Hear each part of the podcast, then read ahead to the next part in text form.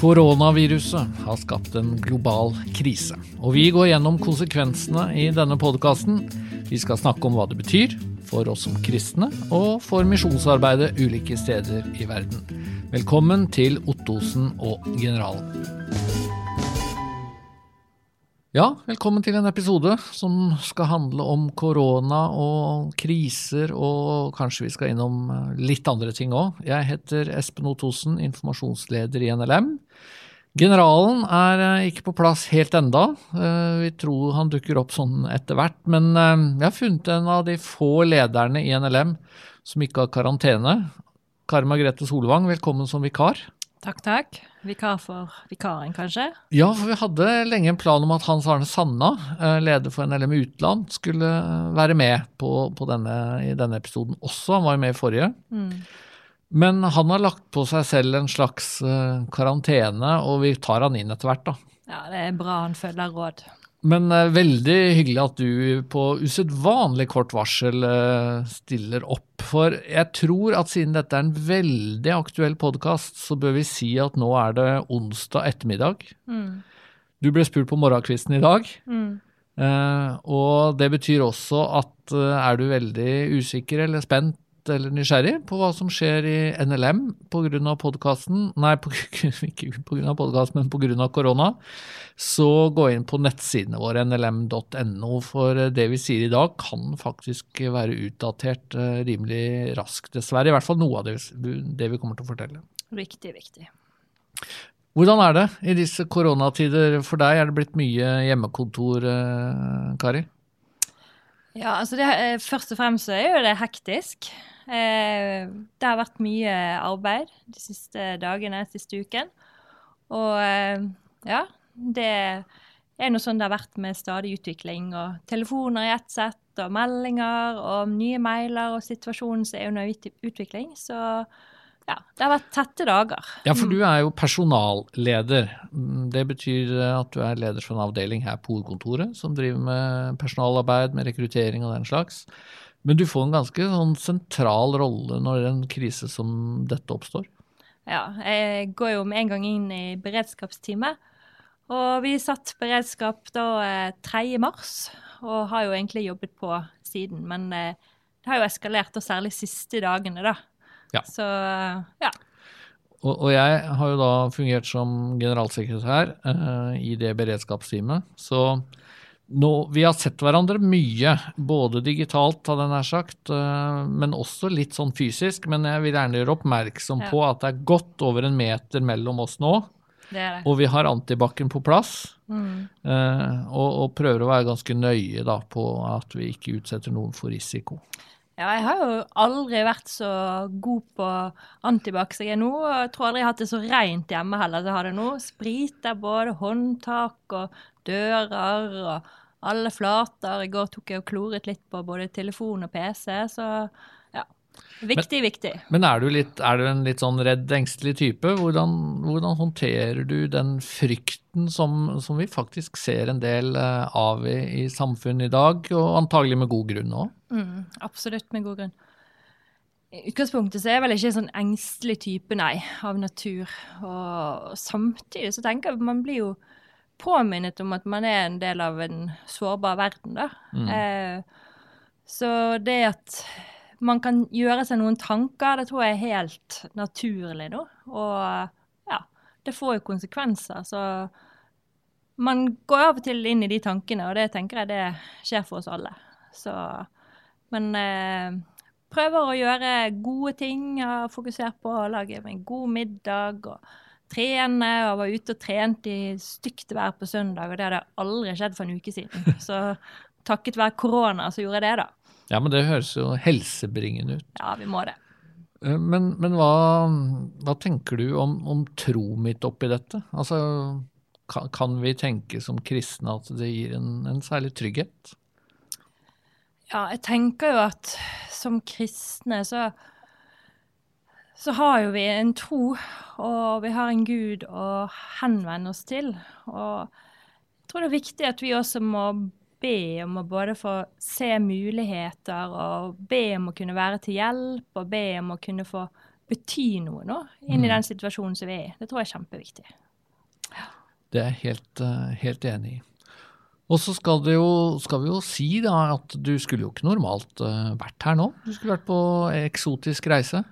Jeg skulle reist til Sør-Amerika i morgen, men jeg begynte jo å ane da utover forrige uke at de kunne spøke med den turen. Og så kom Erna på banen, og da ble det utvilsomt at den turen kunne gjennomføres. Ja. Og jeg skulle faktisk kommet igjen fra Indonesia nå på mandag. Og bestemte Det hadde faktisk ingenting med korona å gjøre at jeg ikke dro, men det var så mye andre ting som, som tok så mye tid at jeg tenkte at eh, det er litt risikofylt å være på den helt andre siden av jordkloden eh, når jeg antagelig må prøve å håndtere ting på mail og helst ta noen telefoner i den perioden og sånn. Mm. Men jeg er jo litt uh, lykkelig rett og slett over at det ikke ble noen tur når For da hadde jeg sittet i karantene, jeg også. og Dessuten så satt vi jo i beredskapsmøter uh, hver eneste dag omtrent i, i, forrige uke, og jeg vet sannelig ikke uh, hvordan vi skulle håndtert det helt. Hvis uh, Øyvind Aasland, generalen, satt i USA, og jeg satt i Indonesia, og det skjedde jo så mye mm. fram mot at Norge i stor grad ble stengt. Mm. Jeg er takknemlig for det akkurat nå. Ja. Så, ja. Um, Men du da, Espen. Hvordan har du eh, håndtert denne situasjonen? Hva tenker du på i disse dager? Nei, jeg er, jeg er, jo en optimistisk type. Og der tror jeg vi er veldig forskjellige. Og det er jo også litt interessant uh, å snakke om, altså viktigheten av at vi respekterer at vi reagerer ulikt. Men, men jeg tror jeg er litt sånn at når jeg finner fram telefonen på morgenkvisten, for å finne ut hva slags nyheter har skjedd eh, i natt og sånn, eh, så forventer jeg nok i stort sett gode nyheter, og at det mm. kommer litt signaler fra verden om at ting flater ut og, og roer seg ned. Og så blir man jo litt skuffa. Mm. men jeg har stort sett uh, jobba mye og sovet godt. Mm. Og, og, hatt egentlig gode dager. Mm. Men, men, jeg har kjent, særlig for et par dager siden, så syns jeg det blei en opphoping av ganske deprimerende nyheter. Så da mm. lå jeg en kveld, husker jeg, og tenkte at nå kommer det til å ta litt tid før jeg sovner. For, for det var mye å, å liksom grunne på. Og, og, vi skal jo snakke litt mer om dette med utsendingene våre. Men, men, det er jo um, Det er ikke så veldig lett å lede en organisasjon med folk i, i 15 land. I alle tidssoner. I alle tidssoner, og det skjer ting hele tiden. Nei, det har vi merket. Men det leder oss kanskje da til uh, at vi tar turen til Mongolia. Ja, la oss gjøre det. Nå er vi litt spent på hvordan uh, internettforbindelsen er uh, til, til David Olsen som vi altså skal ha med oss, og som sitter på et kontor, regner jeg med, i Mongolia. Og, og, før vi snakker om korona og sånn, David, så må vi nesten bare fortelle seere og lyttere. Hva gjør en amerikaner i Mongolia for NLM? Altså, for du er jo en av eh, våre utsendinger og faktisk vår øverste ansvarlige sjef i eh, Mongolia for NLM. Ja, ja hei. Hei, hei. Ja, det var et godt spørsmål. Um, ja, det kanskje starte uh, faktisk Da jeg gikk på bibelskole i USA, så gikk jeg sammen med noen norske studenter. Og begge var uh, tilknyttet til NLM. Uh, og så jeg flyttet til Norge i 2000, nei, 1999. Og så bodde i Oslo og fant meg til rette med en gang i Misjonssalen, fordi jeg kjente til NLM pga. de norske studentene. Uh, og så flyttet jeg tilbake til USA. Uh, jobbet i ti år etter at jeg var ferdig med utdannelsen min. Og så følte jeg at Gud kalte meg ut til uh, tjeneste i utlandet.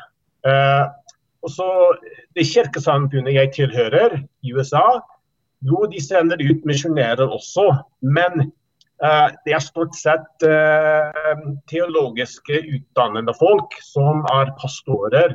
Mm. Og da begynte jeg å tenke litt på mm, NLM. Jeg visste om NLM. Jeg tenkte litt på ja, De driver med masse forskjellig arbeid, trenger litt forskjellige typer folker.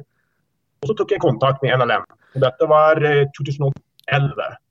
Ja, men Det høres Så veldig bra ut at vi kan eh, tilby eh, eller ta imot utsendinger som, eh, som kan brukes til litt av hvert. For det betyr jo at du da ikke er sånn pastorutdanna eller teolog. Du har litt annen kompetanse i bunn. Stemmer. Stemmer. Ja. Du har vært lenge nå i Mongolia. Du kjenner landet godt. Ja, jeg kom ut først i 2012, og så var jeg hjemme i et par år, og så kom jeg tilbake igjen i 2018 som, eh, som SR.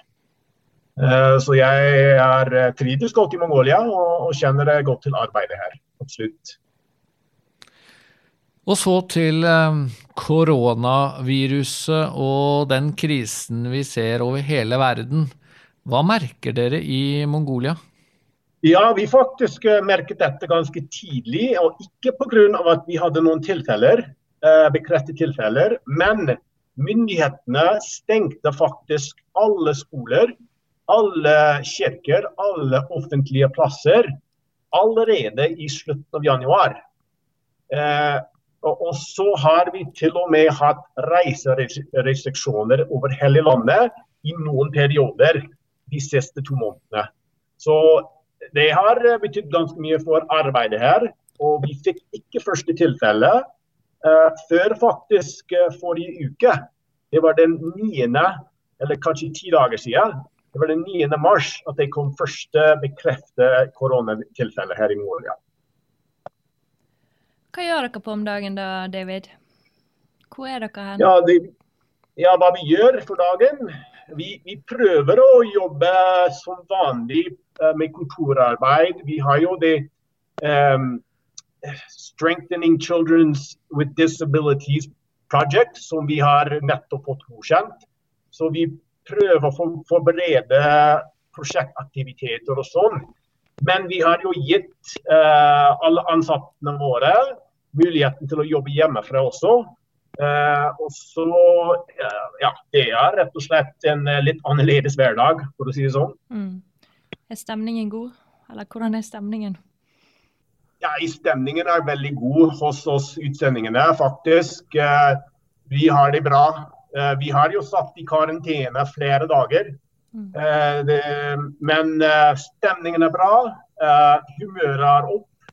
Eh, eh, jeg vil si de, mongol, de, mongolske, de mongolske folket de, de, de virker litt redde, rett og slett. Mm.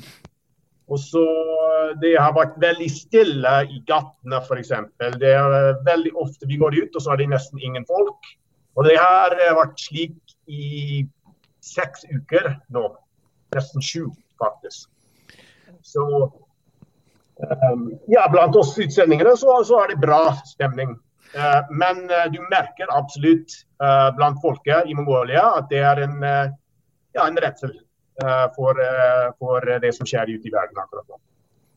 Men med deg, da. altså En del folk eh, tror jeg har fått med seg en video på Facebook som eh, NLM la ut for en del uker siden, som viste at du kan ha opp mot 100 barn og ungdommer i din egen hage som spiller hockey. For det er jo noe som en del amerikanere, og da du annet, er veldig opptatt av. Eh, og, og det er kanskje ikke så lett å få til for tiden. Det er stille i hagen. Nei, det er egentlig forbudt. Det er forbudt, ja. Eh, Ja, fra slutten av januar så, så Det var interessant fordi eh, myndighetene kom inn til NLM-kontoret og sa nei, du har ikke lov til å ha barn i hagen din. Det ble regnet som en offentlig plass, for å si det sånn. Ja. Så vi har jo hatt noen gode, nære venner som har kommet og gått på skøyter og sånn, men eh, nei, vi har ikke hatt barn, masse barn siden eh, januar i hagen. Så det har vært eh, annerledes, absolutt. Du, det har vært veldig flott å ha deg med på, på link, hvis vi kan kalle det det, fra Mongolia. David, så tusen takk for praten. Nå skal vi gå videre og snakke med en person enda høyere oppe i NLM-systemet. Eh, For jeg tror vi skal prøve å få, eh, få tak i Hans Arne Sanna, som altså skulle være Vikar. vikar her, så du er jo da vikar for vikaren, så vi får jo sjekke om han tar det med noenlunde fatning.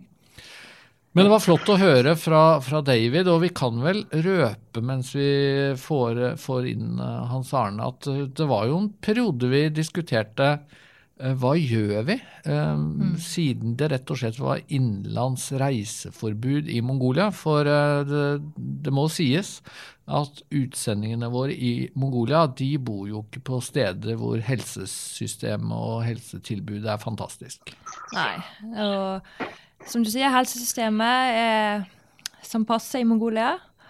Og hvis det, noe hadde skjedd, så kunne det vært en kritisk situasjon for dem. Så ja, vi vurderte og så at det gikk et fly ut eh, en uken, og så gikk det et nytt fly to uker etterpå. Så, men det hadde de rett og slett ikke sjans å nå, da.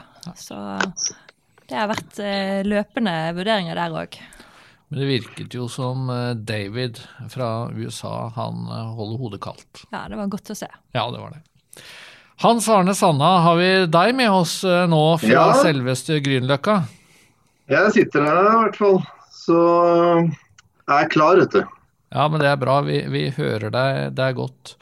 Du, eh, vi går litt sånn personlig til verks med en gang. Eh, Har du korona, eller eh, hva er grunnen til at du ikke ville sitte her i studio med oss i dag?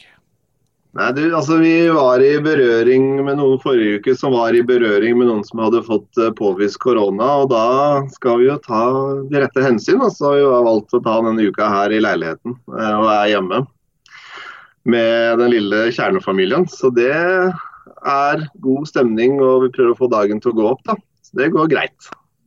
Greit, eller hvordan er stemningen? Stemningen er god. Vi har jo en liten tass på et år som flyr eh, rundt her. Så vi er liksom inn og ut av et lite kontor som vi har eh, på et lite rom og satt opp. Så, han, eh, så bytter vi på å ta han, og så går liksom døgnet rundt eh, på den måten. Så det, ja, det fungerer godt. Han savner vel å være litt ute i, barnehagen, tror jeg. Men eh, vi prøver nå å holde den i gang. Du, hvordan, eh, hvordan står det til eh, med NLM i utlandet? Altså, mm, nå er det jo slik i Norge at eh, veldig lite fungerer som det pleier å være. Vi kan ikke ha gudstjenester, vi kan ikke ha møter, alt av leirer akkurat nå er avlyst osv. Hva skjer på feltene? Drives det misjonsarbeid fortsatt? Ja, det, det drives eh, misjonsarbeid, og, og det handler jo litt om at vi skal få være et eh, lys der vi er, eh, også i en krise. Men situasjonen påvirker jo arbeidet nå i alle land. eh, Og de aller fleste land nå har jo ulike restriksjoner på hvordan man skal Hvor man kan være og, og gå osv., slik som vi ser i Norge. Så det er klart det påvirker, sånn som vi hørte fra Mongolia òg. Så det preger hele det globale arbeidet vårt. Det er ikke noe tvil om det. Hva er det du er mest bekymra for nå når det gjelder eh, felt og utsendinger? Det som er liksom krevende i denne situasjonen, er den usikkerheten. At vi vet ikke helt eh, hvordan morgendagen blir og utviklinga blir. Og Det krever jo at vi er nødt til å ha veldig tett dialog med feltene hele veien. Og følge med og sette oss inn i situasjonene. Eh, Så Den tette dialogen har vært eh, veldig viktig, sånn at vi også er klare til å ta raske avgjørelser hvis det trengs. Eh, Så Det har vært noe av situasjonen. Jeg har lyst til å begynne litt med, med Kina, bare sånn at vi kommer innom det så vidt. Fordi der øh, rammet det jo først. Og det berørte jo også våre utsendinger. Det har vært ganske krevende tider. Det er, det er krevende å, være inne i leiligheter stort sett hele tiden. Eh, og så er jo situasjonen i Kina slik at mange steder nå gradvis eh, åpnes eh, opp igjen, og man kan være mer ute og, og også ser at kontorer osv. åpnes. Så der er det en, eh, en gradvis endring nå. Eh, så det er fint å se.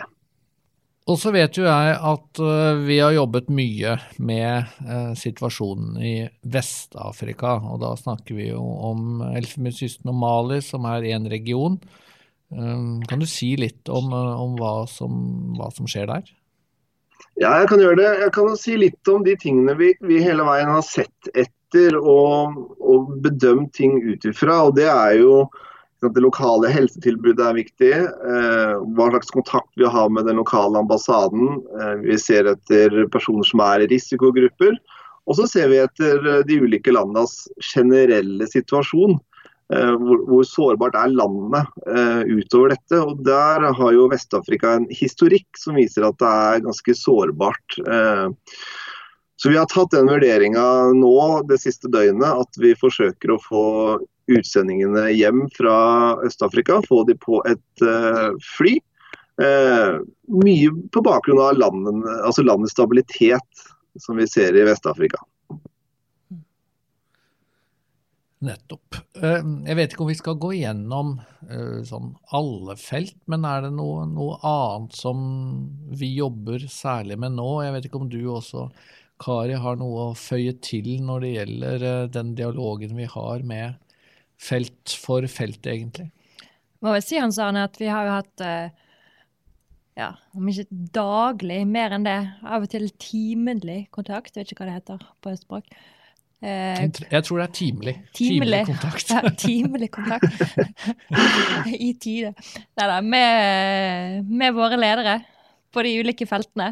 Eh, og ja, det har jo vært en situasjon så det du hørte for en time siden, det gjelder ikke lenger. Sånn er også blitt på feltene. Så det å holde seg oppdatert på hva som er siste nytt, det har jo vært en viktig del av mm. oppgaven vår de siste dagene, da, rett og slett. Så ja. Og så er det jo litt fint å få sagt at uh, av og til så beveger jo ting seg i en god retning òg. Det er vel ja, er det ti dager siden at man frykta at Japan mm. der, der, kunne det virkelig smelle litt. Og, og, det er jo et stort land med folk som er tett oppå hverandre. Og, og, der vurderte vi jo hva på en måte er situasjonen trygt, og det tror vi jo at det er med, med godt helsetilbud. Men, men akkurat nå for eksempel, så er jo Japan et sted som ser ut til å, å, gå og fungere ganske stabilt og, og rolig. Ja, det, er disse tingene vi hele veien må, må, se på og ha tett dialog med utsendingene på. Og så gjør vi også individuelle vurderinger, det kan vi jo, vi jo si hele veien. Og vi har jo valgt å legge oss ganske tett opp til det UD har sagt. Eh, altså Reisende har de bedt komme hjem. Eh, derfor har vi jobba mye i helgen med å få hjem eh, grupper og andre reisende og få de til Norge. Og så har de sagt at fastboende skal ha dialog med lokale myndigheter og ambassade. Eh, så Det er jo ting vi på en måte har eh, vurdert ut ifra. Derfor har vi heller ikke henta inn alle NLMs utsendinger som en helhet. Men ser litt på individuelle vurderinger og fra felt til felt og tar vurderinger ut ifra det. Men vi ser jo det i en sånn tid at vi driver jammen et stort og variert arbeid. Eh, F.eks. så har jeg fortalt før at jeg var på Tid familie, i gamle dager Teft familiebibelskole i, i Kenya. Der er det jo da sju familier som skulle være fram til 1. april. Men uh, pga. at uh, det stenges ned i stor grad uh, alle Jeg har lært at man egentlig ikke skal si 'stenge Nei, ned'. Nei, det brer seg visst fortere enn andre ting. Enn en selve viruset. Så jeg kan bare si at man slutter å ha åpne flyruter. Eh, så ble det jo der konkludert med at eh, de familiene, de syv familiene burde egentlig bare komme seg på et fly og komme til Norge så fort som mulig, fordi situasjonen var litt usikker. Eh, så der har du sju familier.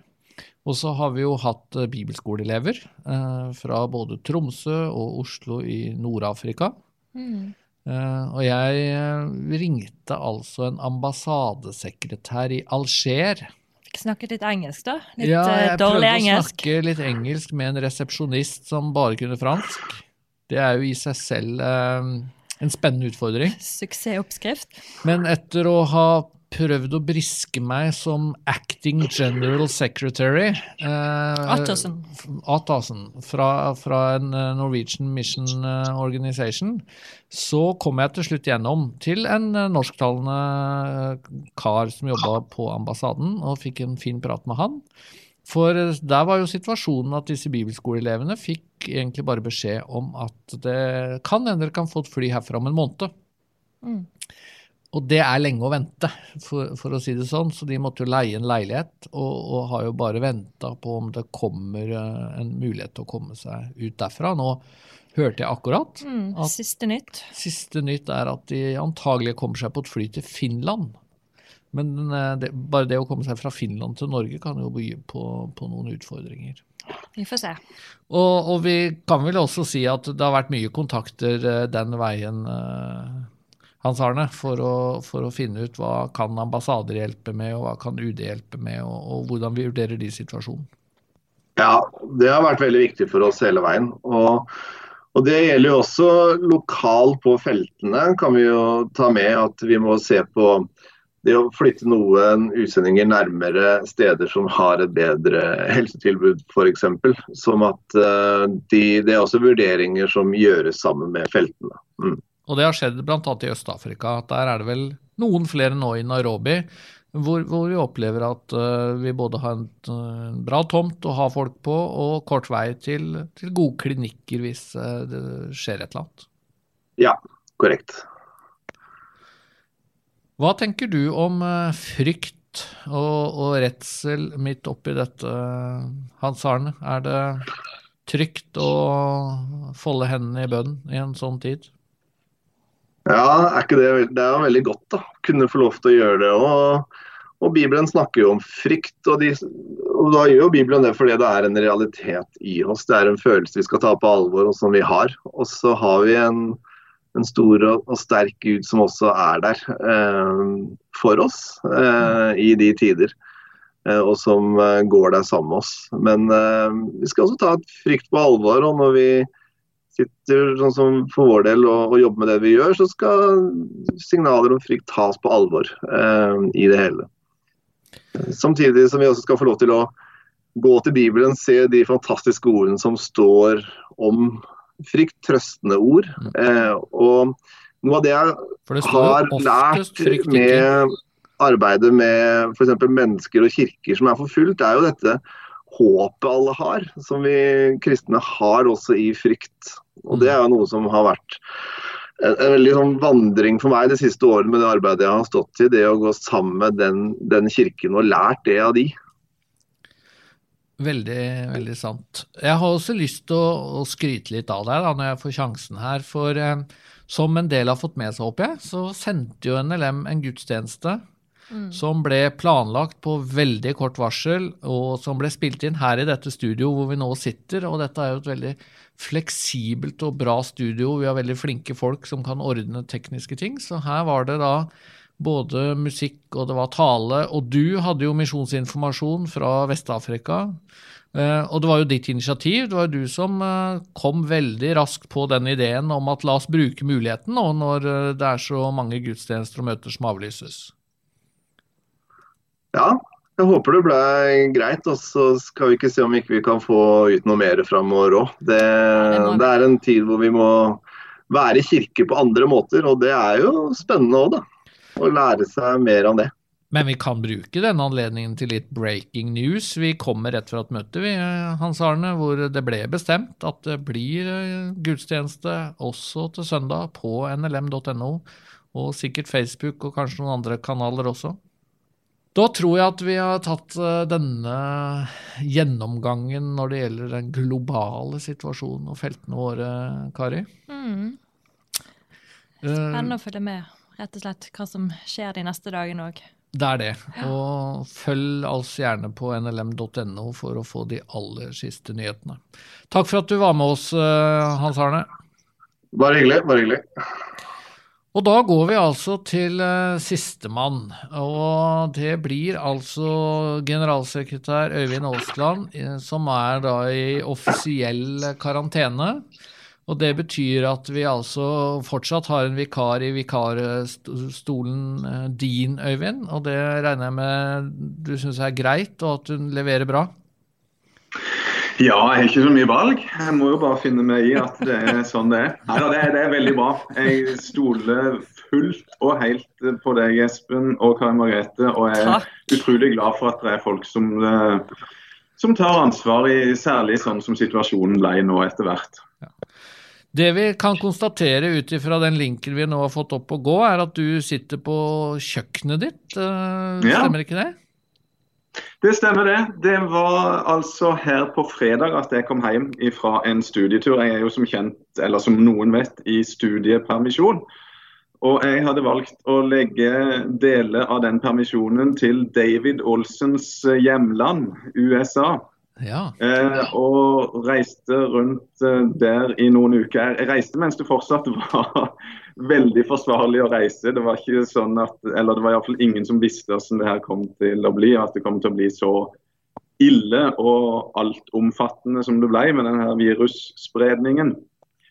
Så jeg mener det var forsvarlig på det tidspunktet å reise, 20.2. Eh, men så skjønte vi jo etter hvert at det her ble ganske ille. Og når eh, president Trump sa at nå stenger vi grensa fra Europa, så fant vi ut at her er det bare å få booka om noen billetter så fort som mulig. Og så kom jeg altså hjem en tre-fire dager før jeg egentlig skulle komme hjem da, på, på fredag. Og da var det jo rett i karantene. Og det er jo eh, en interessant situasjon å være i. Ja, Kan du røpe noe fra livet i karantene? Hvordan forholder det seg? Ja, livet i karantene, det er, det kan jo, det er jo det du gjør det til, det. Vi fikk hjem en sønn fra Øst-Afrika. Han var på Teft Øst-Afrika, så han kom på mandag. så det er klart, Jeg er glad at ikke huset fylles opp med altfor mange mennesker som må sitte i karantene, og at ikke det er altfor mange småunger her og den slags. Men vi som er her nå, vi, vi klarer å finne greit ut av det og har det egentlig stort sett eh, ganske bra. Men jeg er veldig strenge på karantenereglene og, og, det å ikke ha kontakt med mennesker. Det, det, det må, vi, må vi ikke det. Kari Margrethe og Espen oppfordrer folk til å følge de råd som helsemyndigheter gir, og, og være ganske nøye på de tingene der. Veldig viktig påminning du gir oss der. altså. Det må vi alle sammen. og det er faktisk en del av den dugnaden som vi har nå som samfunn, altså. Og jeg tenker også at det koster jo egentlig ikke så mye. Altså det å bruke litt eh, mer håndsprit, det å passe på at man ikke er tett oppi folk om man da er på butikken eller eh, er ute og går. Vi har jo vært ganske mye her på kontoret, du og jeg, Kari, og, og flere andre. Og da er vi ganske nøye på bl.a. at vi har hatt et møte eller vi har hatt møter på et møterom hvor det er plass til 20 mennesker, og så er vi fire der og sitter liksom i hvert vårt hjørne og tenker at det, det er jo ikke noe problem å, å, ta den type hensyn. Og hvis det kan bidra til at vi skåner folk, hindrer smitte, så skal vi virkelig gjøre såpass. Ja, vi må ta disse reglene på alvor, altså. Det er så viktig. Men du føler deg frisk? Det er ikke noe som tyder på at du dro på deg en korona i San Francisco? Frisk som en fisk. Det er vel Nå er, begynner det å bli noen dager siden jeg kom hjem, så jeg regner med at når jeg ikke har fått symptomer nå, så, så er jeg frisk og god. Så om en halvannen ukes tid så regner jeg med å være ute på gata igjen og, og så smått tilbake på jobb og kontor. Så det, det ser jeg fram til. Ja, for det skal jo sies at du har vært ganske involvert de siste dagene når de store avgjørelser må tas, og det er en krisetid som vi står, står oppe i, så, så har vi jo tatt litt kontakt, selv om du da formelt er i en studiepermisjon. Ja da, det er fint det å være oppdatert og få være med i, og involvert i de avgjørelsene som skal tas i en sånn tid som nå. Og det er jo fantastisk at vi kan bruke alle de her teknologiske greiene våre på en god måte og ha, ha god kontakt. Da. Så det, det, funker veldig greit, gjør det ikke det? Jo, ja, gjør det. de som kan det, får det til. Ja. ja, det, det for, for, de som ikke nødvendigvis uh, kjenner de interne forhold veldig tett i NLM, så, så, må det rett og slett innrømmes her at Karl Margrethe Solvang har altså mer teknisk kompetanse enn informasjonsleder Ottosen, og har demonstrert det ved jevne anledninger de siste dagene. Jeg tror jeg Den satt langt inne, men det var en viktig erkjennelse å komme med offentlig, Otto røket ut den, altså. Men, men, men, jeg har litt lyst til å spørre deg, Øyvind, som generalsekretær, og du har jo vært i mange år. Har vi vært oppe i en krise, hvis vi skal snakke veldig alvorlig, i NLM, som er større enn den vi er oppe i nå? Nei, nei det, det, det Ikke i nyere tid. Absolutt ikke. Det er jo, det er jo, det er en uvirkelig situasjon, som mange har sagt i det siste. Og, og vi sitter jo bare her og eh, og, og, vet ikke helt hva vi skal tro. Det utvikler seg dag for dag, og, vi, det, det, vi, ser stadig nye ting. Og hele verden er ramma av denne krisen. Så, så det, det, er veldig, veldig spesielt altså, mm. For hele verdenssamfunnet. Og for NLM, som skal prøve å drive misjon både i Norge og ikke minst i utlandet, sånn som Hans Arne Sanna og, David Olsen fortalte om. Så, så det her er virkelig en spesiell situasjon og en, og en stor krise, altså. Ja, for jeg har tenkt litt på historien til NLM, og det er ikke så mye som kan sammenlignes med dette. Altså Man kan kanskje si at vi ble jagd ut av Kina pga. Eh, den kommunistiske revolusjonen på slutten av 40-tallet. Eh, det kan vel hende at, eh, at, det var en større sak, men jeg tror ikke vi skal beskylde deg for å være, for å være generalsekretær på den tiden. Eh, og så var det en revolusjon i Etiopia, og vi har hatt noe jordskjelv, og det var litt fugleinfluensa og, og, sånn, men det er ganske mye som blekner litt uh, mot dette, og særlig hvis uh, det, det, tar tid før ting normaliseres.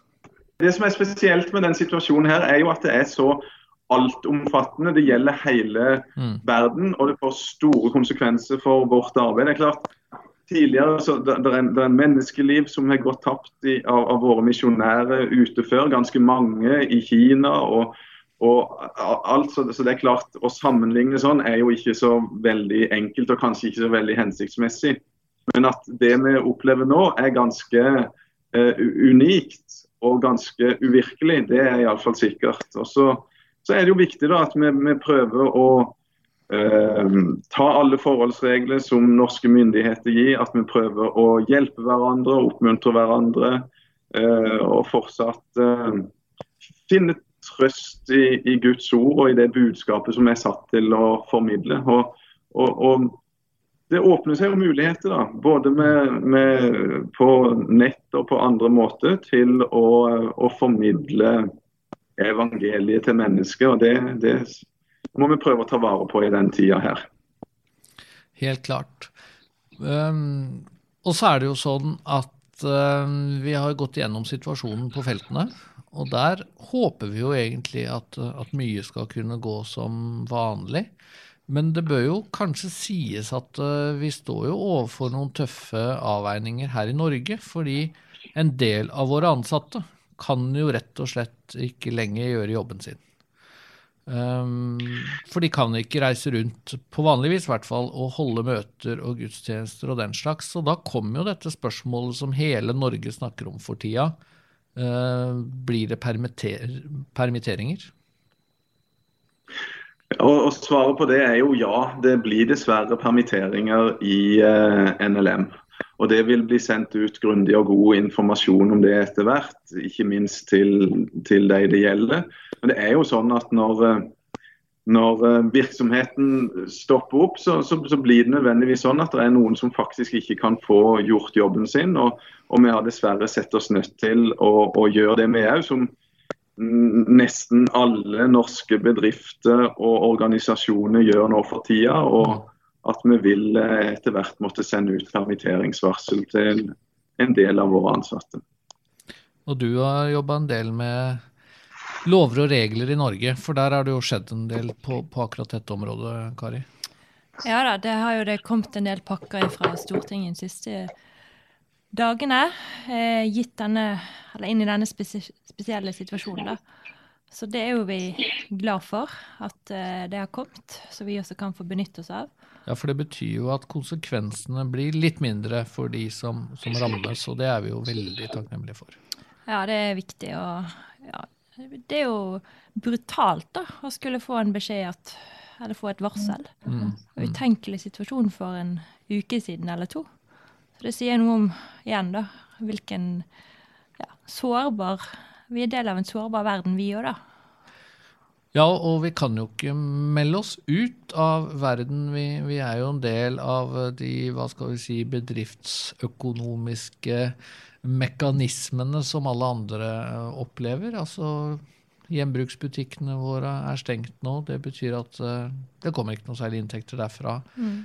Mange leirsteder har jo opplevd en enorm uh, endring fordi ting ble avlyst, ting ble uh, eh, flytta fremover i tid, forhåpentligvis. da. Og, mm. Så det må vi bare ta på alvor.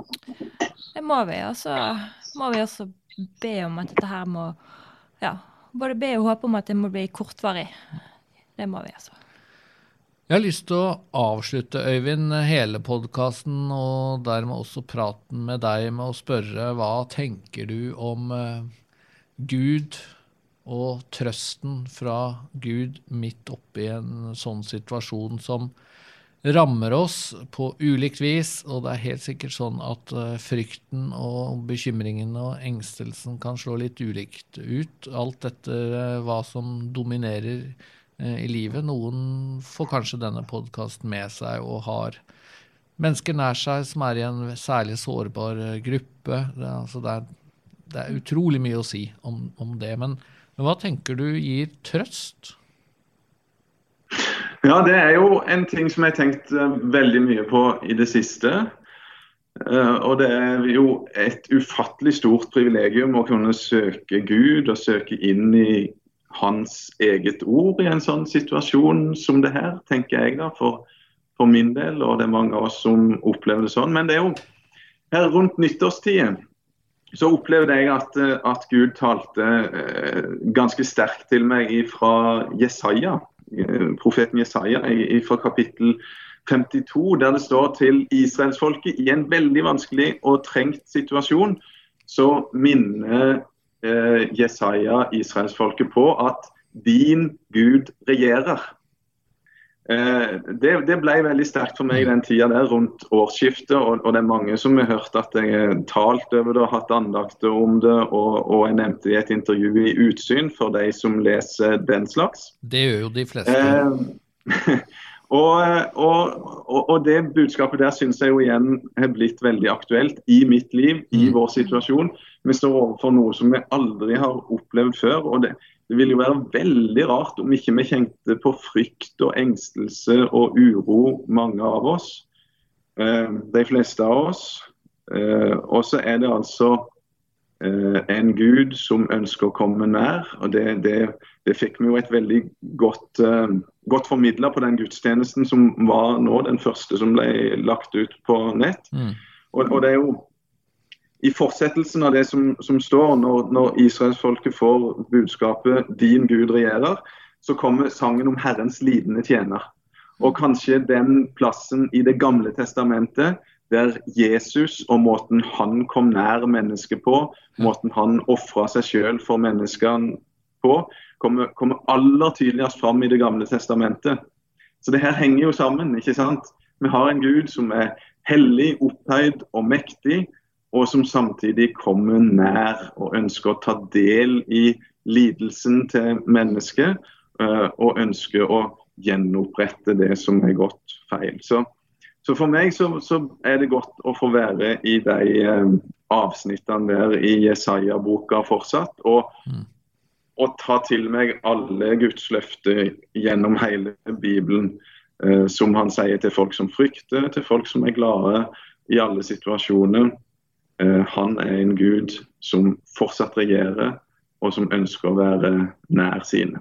Så jeg håper jo da at, som jeg sa litt tidligere, at vi, kan, at vi kan få være formidlere av det håpet på en skikkelig relevant og god måte inn i menneskets situasjoner, enten det er Mongolia, Norge eller hvor det er. Mm. At vi virkelig kan være sånne som, som bringer de gode nyhetene til mennesket inn i dagens situasjon. Mm. Og så er det jo fastetid, og det tenker jeg skal jo være en tid hvor fordypning, ettertanke, det å kanskje senke tempo, eh, droppe noe av det man pleier å gjøre for å komme nærmere Gud, skal stå i sentrum. Og nå har vi egentlig en unik mulighet, eh, de aller fleste av oss, til å bruke litt mer tid med Gud og i mm. bønn og bibellesning. Eh, så vi kan jo prøve å snu det som kan snus, til det gode. Ja, vi har vel egentlig fått en, eh, ja, en fastetid sånn ut av Ja. Den kom til oss alle, da. Den, den, det ble lagt til rette Ja. på et uh, vis, og så skal vi ikke bagatellisere alvoret over dette. Men jeg tror at dette var en god måte å avslutte podkasten på. Tusen takk, eh, Øyvind, for at du tok turen fra kjøkkenbordet den er sagt, og rett inn i vårt studio. Jeg regner med at at du eh, har sluppet ut av karantenen og sitter eh, rundt her eh, neste gang vi Gleder meg veldig til å være tilbake i studio, altså. Det blir stas. Og tusen takk, Kari Margrethe Solvang, personalleder i NLM, for at du ble vikar på kort varsel. Dette syns jeg du leverte bra på. Ja, takk, det var stas å være med. Takk for nå. Dette er Ottosen og generalen, en podkast fra Norsk Luthersk Misjonssamband. Hør den på iTunes og Spotify, eller se dem på YouTube og nlm.no.